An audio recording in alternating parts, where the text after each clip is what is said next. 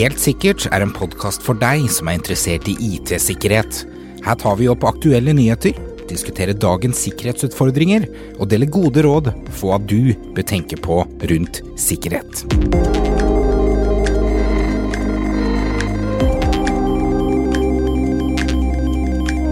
Hver dag så stjeles det millioner av identiteter på nettet.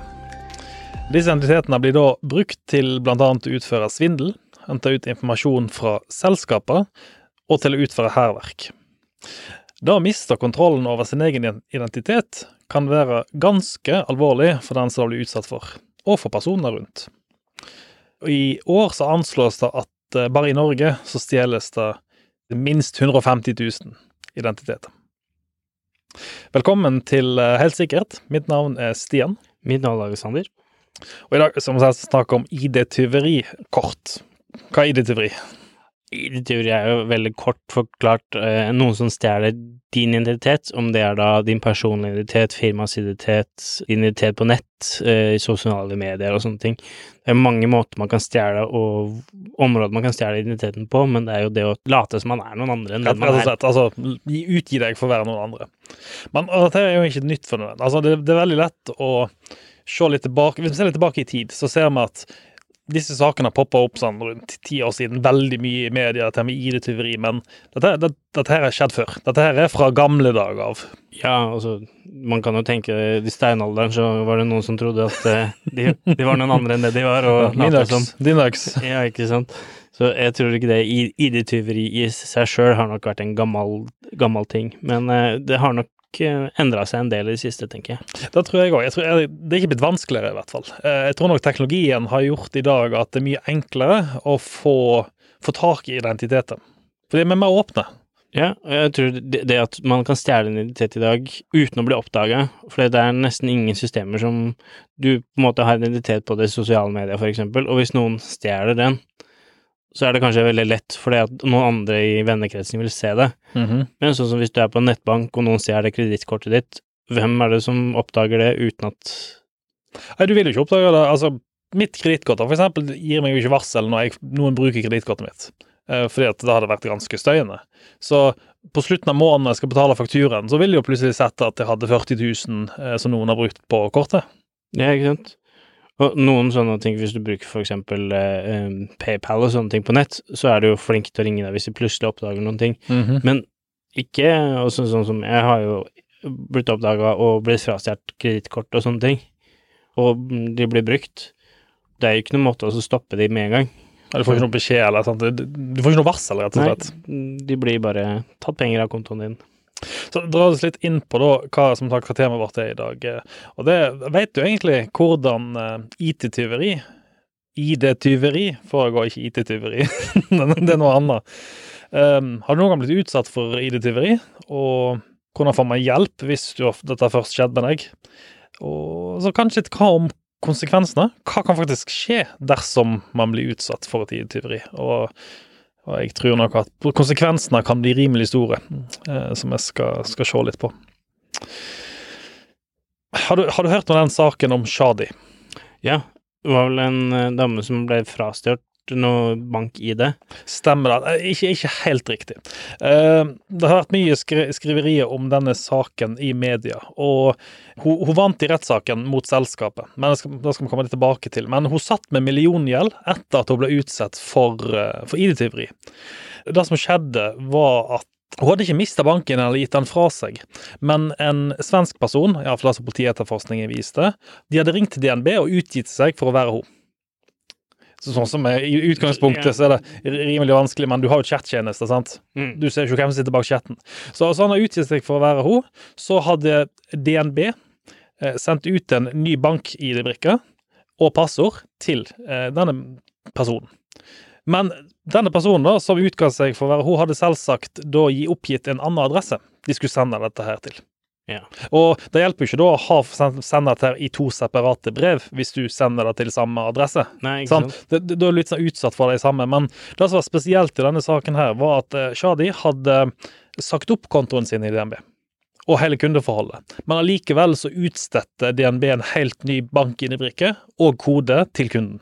Ja, Og jeg syns jo første feilen her er jo det at eh, en person klarer å utgi seg for å være noen og Ja. endre adressen.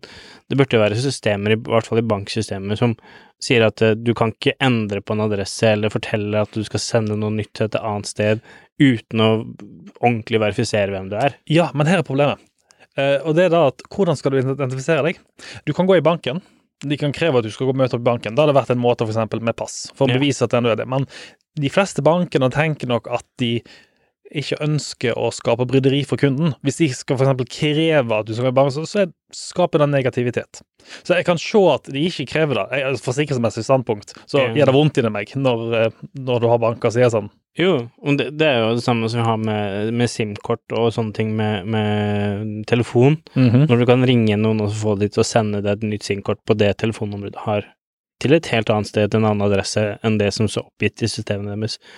Det er jo sånne ting som gjør at ting gjør det enkelt å, å stjele identitet til andre. Det, det, det er dessverre. Um, men uh, hvis, hvis vi ser på den saken her da, som vi snakker om uh, Grunnen til at hun fikk milliongjeld, var jo fordi at denne personen som fikk tak i denne bankbrikken, de gikk ut opp og tok lån i mange forskjellige banker. Uh, og dette her er en veldig selv med gjeldsregisteret som vi har i dag, så ville dette gått. Eh, Måten man utfører den type svindel på, er at man går innom den første banken og bestiller et lån, ofte på nettet. Så går man rett til bank nummer to, rett til bank nummer tre, rett til bank nummer fire og så til bank nummer fem. Yeah. Og tiden det tar mellom de bestillingene, gjør at ikke dette her dukker opp i gjeldsregisteret. ja. At Det, det er et rapporteringssystem som kommer etter at allting Nettopp, er gjort og banken har utbetalt lån og sånne ting. Og i to av tilfellene i denne saken her, så utbetalte banken av lån uten å kreve bank-ID-verifikasjon. Det er det første.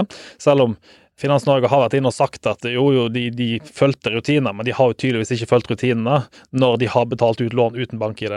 Men, men til gjengjeld, i dette tilfellet her, så satt jo da denne her eh, brukeren på utsiden med bank-ID. En gyldig bank-ID som Ja. sto i hennes navn.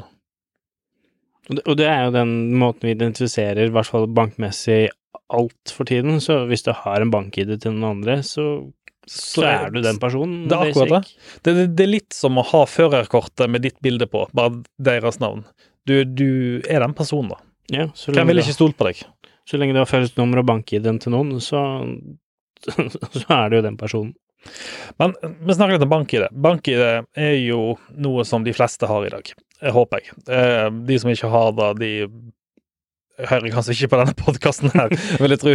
Nei, jeg, jeg tror nok de som De aller fleste som har kanskje et lån eller bruker en nettbank, har en form for bank-ID i dag. Men syns du det er greit å Ledende spørsmål å gi bank-ID-en din til uh, din kjæreste eller samboer. Altså, er det ok? Nei, altså, jeg, det er jo det å gi bort sin egen identitet til hvem som helst. Altså, eh, det, det er greit man stoler på personer og man har, har godtro at ingen vil gjøre noe vondt, men du er den personen som står til ansvar for alt som blir gjort med den bank-ID-en. Ja, for da står også i regelverket at hvis du utfører uaktsomhet, så er det du som står ansvarlig.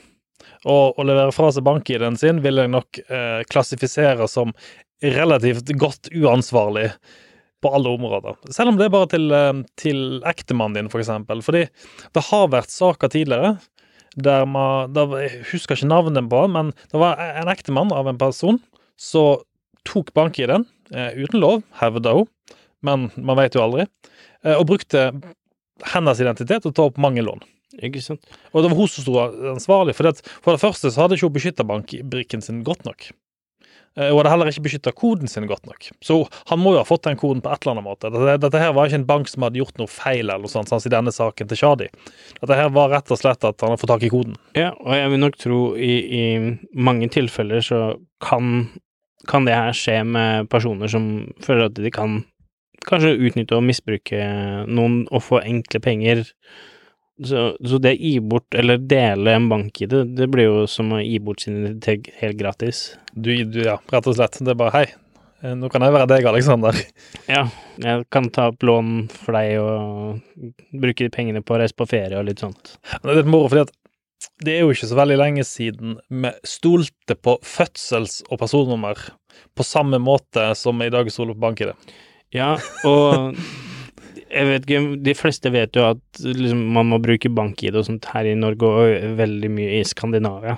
Men det er jo ikke en, en, noe som blir vel brukt i andre land. Nei, eh, danskene har vel sitt eget system. Jeg lurer på om det heter NemID eller noe sånt. Eh, det kan være jeg tar feil her. Eh, og svenskene har også sin eget system, så, så de har noe lignende. Men mm. Det er jo knytta mot det norske statsborgerskapet som vi har her. Ja, men sånn som i England, USA og sånne ting, de har jo ingen form for USA er et land for seg sjøl. Ja, de har jo um, ingen form for det å bekrefte identiteten din annet enn det her med fødselsnummer.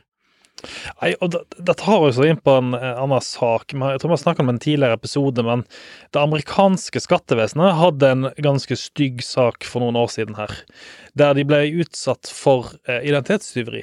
Og måten de gjorde det var, var at rett og slett Hvis du nå er en person som sitter med en skattemelding, så tok jeg og sendte inn eh, skattemelding på vegne av deg. Og måten eh, IRS, altså amerikanske skattemyndigheter, identifiserte personer på, var at de brukte spørsmål om som kun du visste om. For eksempel, hvor var du født? Hva er navnet på mora di? Og så var det et sett med sånne spørsmål, som var ganske standard, som i teorien du kunne visste om. Men de som angrep, da gikk jo bare på sosiale medier og rett og slett henta ut alt informasjon om deg, slik at de kunne svare på 95% av alle spørsmålene som dukka, så kan ikke de feile noen ganger. Yeah. Så det som de gjorde, var at de logga på som deg, henta ut skattemeldingen din, fylte ut på vegne av deg, og de fylte seg feil ut, slik at du fikk penger tilbake. Og så endra de kontonummeret til, til ikke sitt kontonummer, men, men en, en konto som de hadde kontroll over. Yes. Og dette her gjorde de da med titusenvis av skattemeldinger. Mm. Du kan tenke deg summene de fikk ut. Uh, det er fortsatt et problem for IRS i dag. Ja, du hører jo i hvert fall sånn i, sik sikkerhetspodkaster og andre eh, sånn som kommer fra USA, så hører du om det hvert år at uh, pass på, uh, og det er ikke for ingenting man har sånn kredittkortbeskyttelse og andre forsikringsting rundt det med utbetalelse i USA, for eksempel. For de har ikke den, den formen for identitet som er De har ikke, ikke den beskyttelsen. Altså, vi er heldige i Norge. Altså, vi, vi har løsninger som sikrer oss bank-ID. Eh, for eksempel hvis du går og handler på nettet, så bruker du bank-ID for å identifisere deg sjøl. I, I, de fleste tilfeller, de som i hvert fall har den eh, Visa Secure eller et eller annet sånt, som krever at du er autentisert. Ja. Så Men hvem har egentlig ansvaret i, i, sånne situasjoner? Altså, er det bankene? Er det den enkelte personen, sant? Altså Jo, men også sånn som i det tilfellet her, da, hvordan eh, Sånn som hun med, eh, med Shadi, at noen gjorde noen ting i hennes navn uten at hun ble informert om det. Mm -hmm. Hvordan skal du da beskytte deg sjøl om det? Og når du da ikke kan stole på at systemet, sånn som banker og sånne ting, gjør ting riktig, så, så er det jo det at hvordan skal du beskytte deg for identitetstyveri? Som sagt, i hennes sak så tror jeg ikke det var mye hun, hun kunne ha gjort. Eh, rett og slett fordi at, som sagt, hun, hun trodde jo at hun hadde avslutta kontoen hos DNB. Eh, så det var jo tilfeldig da at eh, han kom over denne kontoen Eh, de utstedte ny kodebrikke som heller de aldri skulle gjort. Så her var det rutinesvikt. Og DNB mm. har sagt da i etterkant at de hadde rutinesvikt i denne saken, og de har trukket kravet. Men hennes problem er jo at eh, hun hadde ikke bare lån i den Nei, banken? det er akkurat det. Hun hadde ikke bare i DNB. Hun hadde jo i Ja-bank og Bank Norwegian og eh, jeg tror to andre òg i tillegg. Så, og, og, de har jo fra, fra, okay, hvis du ser det fra Bank Norwegians side, da, så har de noen som har tatt opp et lån. De har fått bekrefta med, med eh, bank-ID at det er personen. Mm. Så fra deres side så har de gjort absolutt alt rett, egentlig. Ja. Fordi at hva andre måte skal når Bank Norwegian egentlig få bekrefta at det er personen som sitter der? Ja, altså du, kan jo ikke møte opp i alle banker uh, og, og bevise at du er deg sjøl lenger. Nei, eh. og Bank Norwegian har vel ikke noe fysisk bank heller å møte opp i og bevise at du er deg, så da blir det liksom Skandiabanken som heller ikke har filialer. Du må kunne stole på at den sitter bak i den faktisk mm. er den. Så uh, i dette tilfellet da, så vant Shadi saken mot eh, Bank Norwegian, som var siste banken som nekta å ettergi tapet. Og det, det er egentlig bra at det kom en dom på det. Det, det, er bra at man, noen tar disse sakene videre til retten, og man får faktisk Ja, for ingen, altså, det er den eneste måten et sånt stort selskap som Bank Norwegian og sånne ting kanskje vil forbedre rutinene sine og gjøre noe mer. Ja. Uh, og det gjør det også at uh, hvis, hvis de klarer da å ta den personen som har gjort det her, og den får en ordentlig straff, så er det en stor ting for å, at ingen andre skal gjøre det, da. Det da litt oss inn på dette tallet som jeg begynte i introduksjonen med, 150 000. For eh, hvert år så gjennomfører NorSIS, som er Norsk senter for informasjonssikring, eh, en årlig undersøkelse der de går ut og spør hvor mange som er blitt utsatt for identitetstyveri i Norge. Og igjen, de, den, den eh, resultatet deres sier at det er minst 150 000 som, eh, som blir utsatt for dette her hvert år. Eh, Men jeg frykter personlig at dette er store mørketall. Fordi det, det viser seg òg da at bare 27 av de som blir utsatt, anmelder dette til politiet. Og, og vi har jo prata mye om bank og sånne ting i, i, i tyveri her nå, men, men det er jo mange andre plattformer du kan bli tatt frastjålet identiteten din på. Det er det. Og det skal sies at eh, fintech-bransjen, altså bankbransjen, de har utrolig stort fokus på sikkerhet. Ja. Så det skal sies at uh, de, de store bankene der ute, dette her er ikke noe de tar mildt. Fordi det er snakk om milliarder daglig i omløp. Mm. Og etter å ha sett dette sjøl, hvordan det fungerer, så stoppes det utrolig mye. Så, så, så eh, antifraud i bankene, de avdelingene er som regel ja, de, de, de får eh, nok folk og nok penger til å bekjempe dette, fordi at det er snakk om så store summer. Og så er jo de fleste altså, Hvis du da har blitt frastjålet visakortet ditt og sånne ting, for eksempel, eh, hvis du rapporterer det tidsnok og, og sånne ting, og det har blitt eh, misbrukt på noen måte, så er det jo mye sannsynlig for at du får pengene tilbake igjen hvis du I, i hvert fall kredittkort. Ja. Eh, debetkort er litt verre med, for da må du gå til banken, men, og det spørs hvor uaktsom man har vært, men kredittkort er man iallfall sikra for eh, den type tyveri. Men ja, eh, vi snakka litt grann om som Vi har vært veldig fokusert på banktyveri, men som Eller banktyveri. Bank-ID-tyveri. eh, bank, banktyveri er et annet tema som jeg kan snakke om senere. Og da å stjele bank-ID-brikken, det, det er jo én måte å gjøre det på. Men i utgangspunktet, før man går, kommer til det steget, så har man den rekogniseringsfasen. Eh, nemlig sosiale medier. Ja. De aller fleste har vel opplevd at du, du, du har en person du aldri har sett før, aldri har noe kjennskap til, plutselig friender deg på Facebook. Eller på LinkedIn. Ja, bare helt ut av det blå. Og ofte kanskje da med noen bilder eh, som som um, i natur at du ville kanskje lagt det til. Um, og det er jo Mm. ofte da noen som har stjålet en Facebook-konto til noen.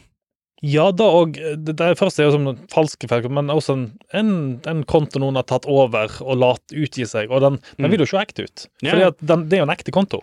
Det er en ekte konto. De har kanskje stjålet en konto, endra litt på den, eh, sånn at det skal bli mer aktuelt for at folk frender den personen. Eh, og så går det rundt og bare sprer seg. Og det, det er mange forskjellige årsaker til at de gjør det. Noen vil da spre malware og sånne ting for at de kan gjøre ondsinna ting, men noen også vil jo da stjerne for å få skaffa seg informasjon om andre typer passord, andre typer tilganger til, som den Facebook-kontoen har tilgang til. Og det Og så er så uthenting av informasjon, vil jeg si noe det viktigste punktet. For hvis jeg friender deg på Facebook, så har jeg for det første plutselig fullt navn, fordi Facebook krever at du ligger der med fullt navn. Jeg eh, har mest sannsynlig kontroll over alle vennene dine, som du har, både i ekte og det, i det i det Ja, altså- internettlivet.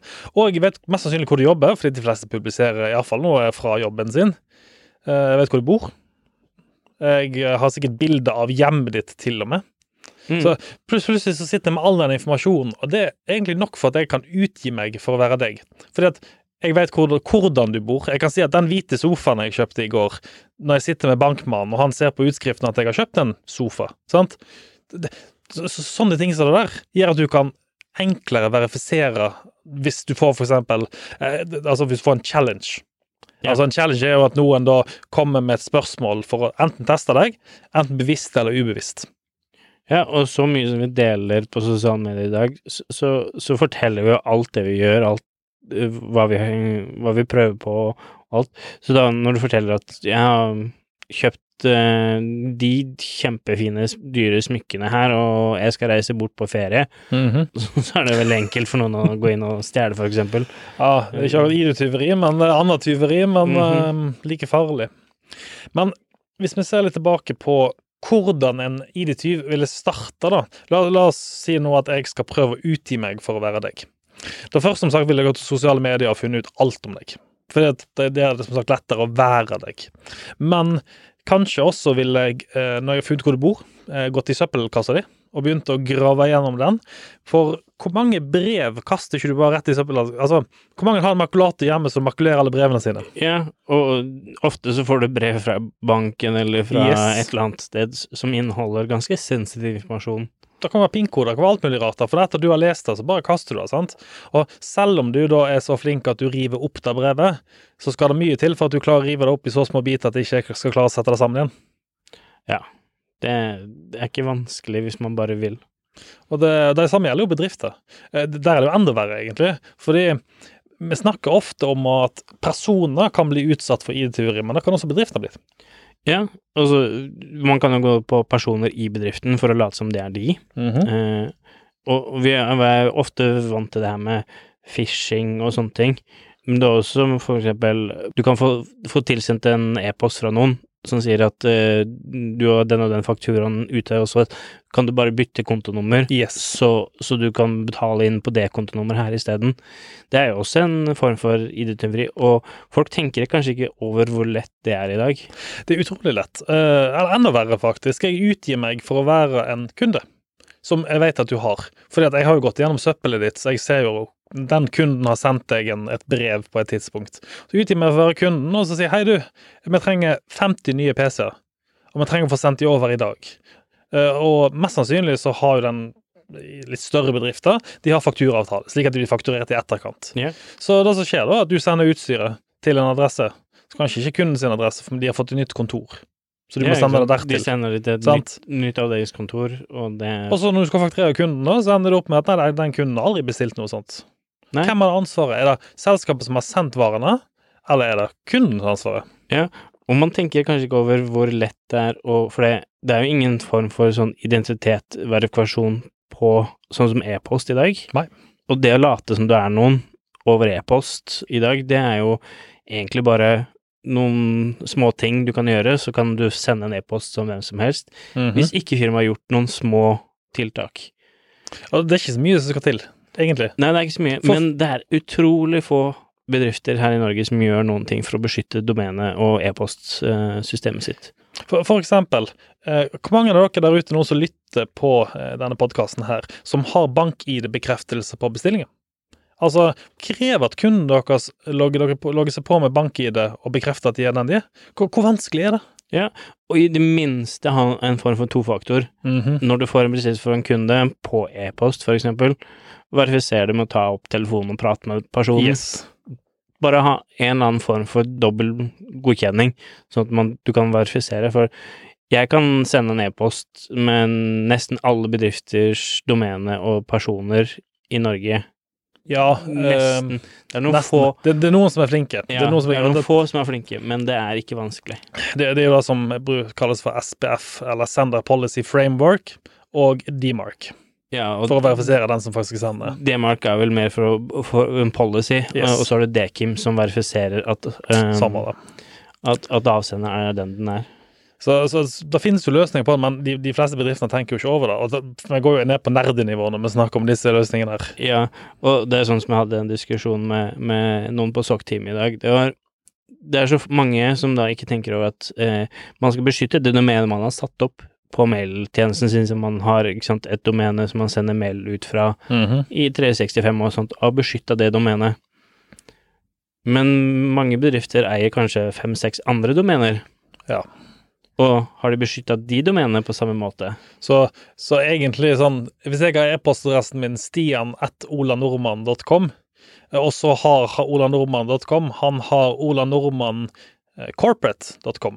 Men den bruker de bare på web, sant? Så Ja. hvorfor, hvorfor skulle du egentlig beskytte den? Eller ofte sånn som skjer, du har olanorman.com, og så har du olanorman.no, og så har du Ja, sant? Og så glemmer du de der eh, andre domenene, og så da kan jo du utgi deg for å være sender for .no. Altså, jeg ville jo trodd på det. Hvis jeg hadde fått en e-post om det kom fra .com eller .no, så kommer jeg jo fra riktig selskap. Ja, og ofte så peker, når du går og besøker det domenet, så peker det til akkurat samme side. Så det er jo bedriftens domene. Mhm.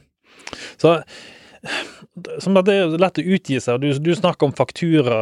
Eh, Den har vi også sett i privat, der eh, de som prøver å angripe, sender ut falske fakturaer der de utgir seg for å være et selskap som jeg tror NRK har blitt utsatt med lisensavgift, og det har vært mange sånne Ja. forsøk. Posten har hatt en god del. Telenor hadde vel en her for noen eh, år siden som var veldig kjent, Ja. der det, du fikk plutselig en faktura fra, fra Stemmer Telenor. det, jeg husker den.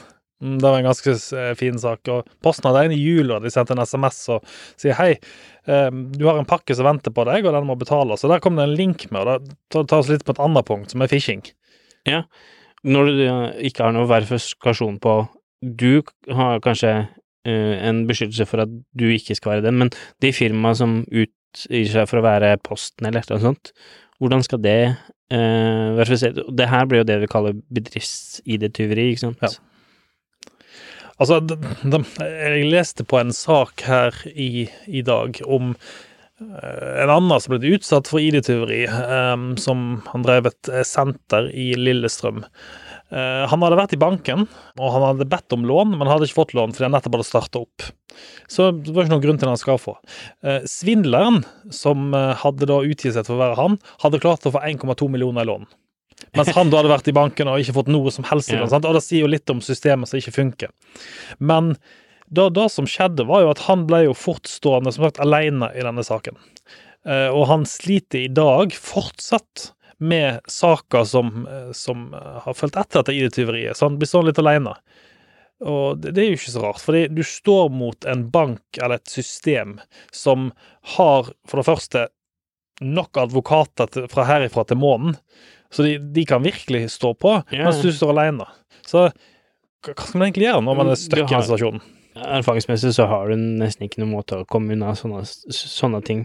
Um, har opplevd en i familien som um, bodde i en leilighet. Leiligheten under så flytta det inn en ny person Mhm. med akkurat samme navn. Nå har jeg ganske vanlig navn som veldig mange andre har. Mhm. Men det, det viste seg at to personer flytta i samme adresse, med Ja. to forskjellige leiligheter. Så når han i familien flytta ut, så kom jo all betaling på strøm og sånt, fordi strømselskapet hadde jo sett at samme person bor på samme adresse, men de hadde ikke sett det her at det var en A og B på adressen. Aha. Så han endte opp med å betale eh, strømgreiene her for flere måneder etter at han hadde flytta, fordi strømselskapet skjønte ikke det at det her var en par, to forskjellige personer. Og ikke verifisert det på noen slags måte Nei. heller. Og gjør strømselskapene det i dag? Det, det er ingen uh, i, Nei, det Det vet jeg faktisk ikke. Nå bestilte jeg ny strøm eh, hjemme hos meg for ikke så lenge siden, men jeg kan ikke huske at jeg gjorde bank-ID-verifikasjon eller noe. Jeg sendte egentlig bare en bestilling. Ja, altså de, de vil bare ha det nummeret på Målepunktnummeret. Mm. og hvilken adresse du har, og så Utrolig at svindler i Norge. Ja. Det skal ikke så mye til. kanskje jeg skal skifte navn til naboens navn. Så I tilfelle med han her som ble utsatt for svindel, som satt igjen med 1,2 millioner eh, Noen av kravene ble jo forfalt, men eller droppa. Men det som ofte skjer i disse situasjonene, er at bankene skal ha tid til å etterforske. Så ofte kan man bli stående i sånn in limbo i et år, fordi bankene skal gjøre intern etterforskning etter saken. Ja, og ofte så ender det opp med at du får inkassovarsel, mm, anmerkninger og sånne ting, så Mhm. andre ting i, livet stopper opp for det. Alt, alt stopper jo opp. For da, det eneste måten å forsikre seg på, er at du må først gå ut og eh, sette deg altså kredittsperre, slik at du ikke kan få kreditt. Det vil si at alle kredittkort eh, blir utilgjengelig for deg. Og så må du da du, For det første så blir du sittende med gjeld, fordi den gjelden er registrert på deg som person. Så du blir stuck med den gjelden helt til de har oppklart sakene. Eh, og i verste tilfelle kan det skje sånn som i Shadis sitt tilfelle, med at eh, de tar det for retten for å få inn Ja. pengene. Og aller verst så kan du kan bli dømt for det. Og måtte betale. Tenk deg da, du besitter med 600 000 du aldri har sett, fordi noen har stjålet Eh, identiteten din. Sure penger. Sure penger. Jeg hadde Jeg skal ikke si hva jeg hadde gjort på, på episoden, men eh, Nei. det hadde ikke vært en god ting, i hvert fall. Men som sagt, du blir stående veldig alene, og det er noe som heter forsikring for ID-tyveri. Jeg har stått og sett litt på vilkår og sånt i dag, og ironisk nok så er det veldig få som anbefaler det. For, og det er veldig få selskaper som tilbyr det sånn som en standalone-forsikring. For ofte så dekker de opp til 150 000 i advokatutgifter, og du tenker kanskje oh, 150 000, det er mye penger. Men tenk deg da en sak som går over to-tre år. Mm. Det er ikke snakk om 150 000 i kostnad til advokater, det er snakk om masse mer. Så, så, så Og så, så er det jo veldig mye anmerkninger på sånne avtaler på hvor nettopp, sant. Også, hvis noen da eksempel stjeler en database av masse kredittkort Mhm. fra et firma, og så gjenbruker du det til å bruke det kortet et helt annet sted, eller du mister passet ditt, og du gjenbruker det for å gjøre noen andre ting andre steder, så er det jo den loven i det, det landet som det skjer på, som egentlig du må forholde deg til noen ganger, og, og Nettopp, du altså. står egentlig ikke noe som helst uh... Det, det er akkurat det. Hvis dette skjer i det, nå, nå I Shadi sitt tilfelle, så skjedde dette her uh, Det var en borger i Sverige som de mistenker, som har gjort dette. Uh, men hva skjer hvis dette her kommer fra et land utenfor Europa? Hva skjer hvis det kommer fra Sør-Afrika? Du har jo ikke sjanse til å få den personen som har gjort dette her, da. Nei, og, og de vil gjerne da sende De leier inn et norsk eh, kredittfirma for å da få pengene ut av deg og masse tonn, hvis det er sånne ting, eller de bare misbruker kortet ditt masse ganger, sånn at du aldri får pengene igjen og Hvis du hadde gått rundt i Norge i dag og gått i postkassa, hvor mange postkasser tror du har låst på seg? Jeg har en postkasse, og den har låst på seg. Men er det, er det, er det sånn, er det sånn borettslag-postkasse? Ja, Ja, sant? Så den er litt Men- spesiell. men det har vært innbrudd i den tre ganger. Mm, det er Ja, nettopp. Fordi Og grunnen til at jeg sier det, er fordi at når jeg husker når jeg bodde i Bergen, så hadde vi postkasse uten lås. Ingen som hadde lås på. Så hvem som helst kunne bare gå og nappe ut posten fra den postkassen. Mm. Og det var det som skjedde i tilfellet med han fra, fra Lillestrøm. Eh, noen har rett og slett stjålet førerkortet hans, så han hadde fått i posten. Ja. Det, var, det var så enkelt. De hadde bare, han hadde blitt utsatt for tyveri. Han hadde anmeldt det til politiet, eh, og de hadde tatt førerkortet. Og måten han oppdaga på at noe var galt, var da at han fikk oppringning fra en eh, bilselger en dag som lurte på Hei, du, har du eh, bestilt en bil? Og han bare Nei, det har han ikke. Og akkurat i det øyeblikket som han hadde snakka med han, så kom han svindleren inn, og han ble nekta selvsagt av salget. Men det var en bil til 600 000. Ja. Sant? Altså Og det sier litt. Og dette, dette førerkortet, da, som, som han misbrukte Han hadde ikke endra bilde på det. Han hadde brukt samme bilde av personen han svindla. ja. Og du, hvis du da ser litt lik ut, så kanskje mange tror på det. Nettopp. Og, og i hvert fall sånn som det tilfellet her, du får kanskje et eh, sertifikat i posten. Mm -hmm. Du venter på det kanskje i to-tre uker, for det kommer jo ikke med en gang. Og Nei. ingen varsler deg om at det skal komme heller. Det, du får ikke noe SMS som sier 'hei, nå er sertifikatet på vei', og du merker heller ikke at det forsvinner. Nei, så kanskje du liksom Ok, det er noen treige systemer, og det, ting går litt treigt, og det er et eller annet feil i de, kanskje Mhm. de gjorde noe feil, eller et eller annet sånt. Så du går i god tro og tenker at ja, ja, løser seg etter hvert, eller du kanskje ringer de og spør at kan du få Jeg har ikke fått noen ting. Og så er de bare så naive og kanskje sender et nytt et. Det, det er mest sannsynlig som skjer. Uh, ja, selvsagt så melder du førerkortet tapt, og Men Det er det beste altså, tilfellet. jeg ville ikke antatt at noen hadde gått og stjålet det ut av postkassen. Jeg ville anta at de ikke hadde sendt det, eller at det hadde gått noe feil i posten og så blitt sendt tilbake igjen til de, eller noe sånt. Ja, og, og det her skjer ikke bare med, med sertifikat. Du har jo, hvis du har et kredittkort som er på vei til å utløpe, så sender jo bare banken et nytt kort Ja. uten å egentlig varsle. Og hvis du da ikke følger med nå går det kortet her snart ut, Så får du bare et bankkort i posten. ja, og ikke følger med, så er det noen andre som stjeler bankkortet ditt. Nei, det, det er um, det, det er mange måter, som sagt, å bli utsatt for IT-bomber. Altså, og jeg tror ikke man kan beskytte seg på noen god måte. Det beste er jo selvsagt for det første sosiale medier, være forsiktig hva du publiserer der. Fordi, altså, hvis du sier 'hei, jeg har bestilt nytt bankkort', hvis du går på kundeservicen til Bank Norwegian og sier at du har bestilt et bankkort, men ikke fått det, så vet jo jeg at du kommer til å få et bankkort på et eller annet tidspunkt. Yeah. Sånne type enkle ting. Ja, og, og så i hvert fall med Uansett hva det er for noe av sånne tjenester, kanskje ikke lagre bankkortet ditt uh, i sånne web, webshopper og sånne ting. Hvis du skal absolutt bruke det, så pass på hva du bruker, og hvor ofte altså når du har brukt det, at du faktisk får den fakturaen du mente å få. Og så vil jeg også si at jeg sa 27 av alle som har blitt utsatt for ID-tyveri, anmelder det, mens 89% sier at de ville ha anmeldt det. Anmeld ID-tyveri. For Ja. Jeg skal ikke bruke noen stygge ord her, men eh, for det første så Politiet, hvis ikke de får inn anmeldelser, så ser ikke de at det er et problem. Og da blir det heller ikke prioritert.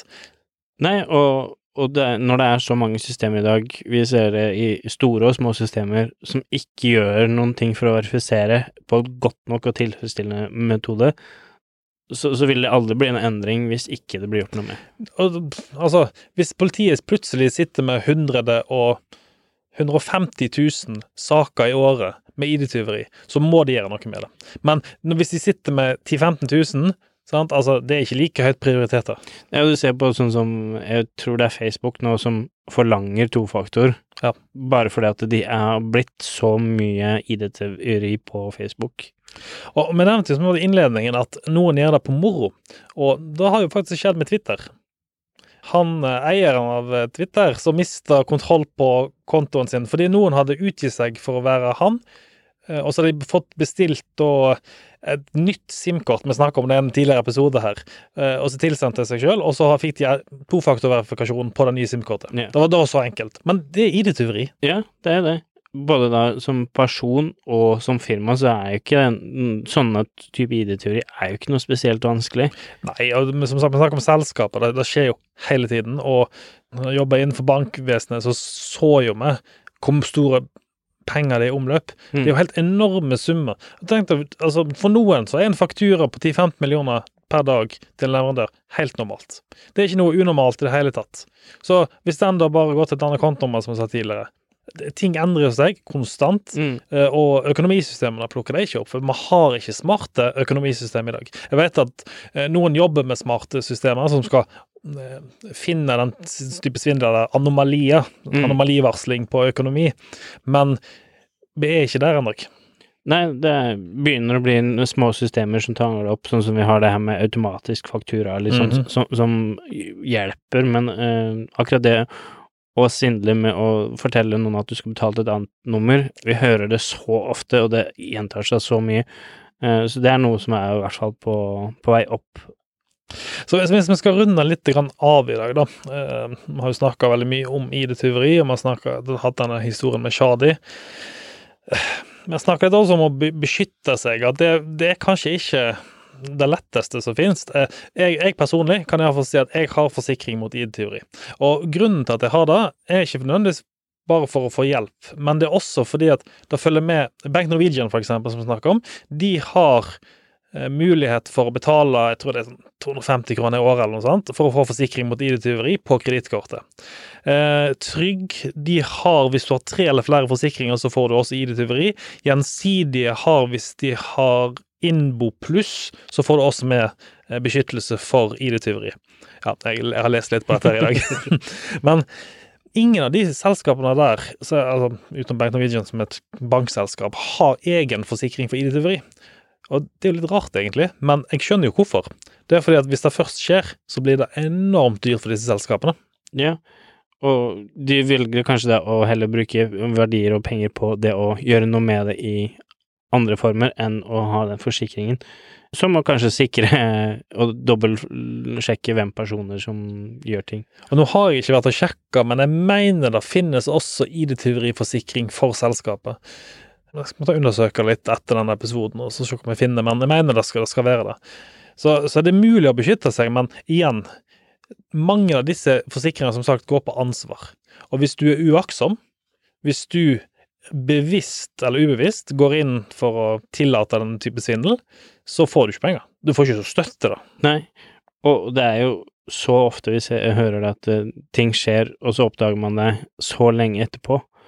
For det, det er ID-tyveri er ikke noe som kommer ofte opp og sier at noen har tatt din identitet før det er for seint. Og i begge de to tilfellene som er nevnt her nå, så fikk de vite dette her lenge etterpå selve eh, ID-tyveriet har faktisk funnet sted. Eh, I siste tilfelle så skjedde det fordi at en bilhandler ikke, sagt, ikke ville levere ut bilen uten å få en bekreftelse på at det var faktisk den det var. Men igjen, det er jo da lenge etter at han har sittet med ID-en, og lenge etter at de har bedt om eh, lån i banker. Og i siste tilfelle så skal det sies at to av bankene som de gikk mot, krevde bank-ID.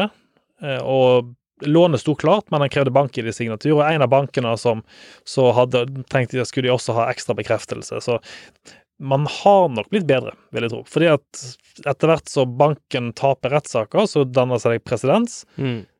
Og så ser bankene også at de må ta tiltak. Iallfall de, Ja. de mindre kredittbankene. Ikke de store som sagt har fokus, men de mindre utlånsbankene, de eh, er nok ikke helt der nok. Nei, og jeg, jeg tror kanskje ikke bedrifter og sånt ville gjort så veldig mye før kanskje det har blitt flere og flere anmeldelser på sånne ting, så Nei. vær flink til å anmelde det. Så da, da tenker jeg da eh, Vi avslutter med det, Dessverre så har vi ikke mange gode råd til dere, men blir dere utsatt for ID-tyveri, så for det første, anmeld det til politiet. Så søk hjelp. Hvis du har forsikring, så gå til forsikringsselskapet og få hjelp av de. De har profesjonelle som hjelper dere med dette, og de har også kontakt med advokatkontoret. Hvis ikke, så er det også mulig å ta kontakt med NorSIS for å få hjelp, eller Datatilsynet. Og, og tenk på alle metoder du er identifisert på. Eh, Du har ofte en e-post, du har en Facebook, LinkedIn, du er identitet som privat, og du har en identitet i bedriften. Ja. Så beskytt alle de På- så, så godt man kan teknisk. Og tenk at som, sagt, som du sier, de er forskjellige identiteter. Det er det viktigste. Mm. Eh, Da tenker jeg at eh, vi gir oss for i dag. Har ikke blitt mindre paranoid eh, etter i dag, i hvert fall, kan vi nå si. Nei, det Ingenting blir sikrere av seg selv. Det, det gjør ikke det. Um, så vi håper dere der ute faktisk sitter igjen med litt grann mer nyttig informasjon. Så høres vi neste uke. Yes, vi snakkes. Ha det bra. Ha det bra. Podkasten Helt sikkert er laget av Cybron Security og produsert av Shaw Media. For mer informasjon om IT-sikkerhet, gå inn på cybron.no, eller så finner du oss også på Facebook under navnet Cybron Security. Vi tar gledelig imot innspill, tips, eller om du har spørsmål rundt din IT-sikkerhet.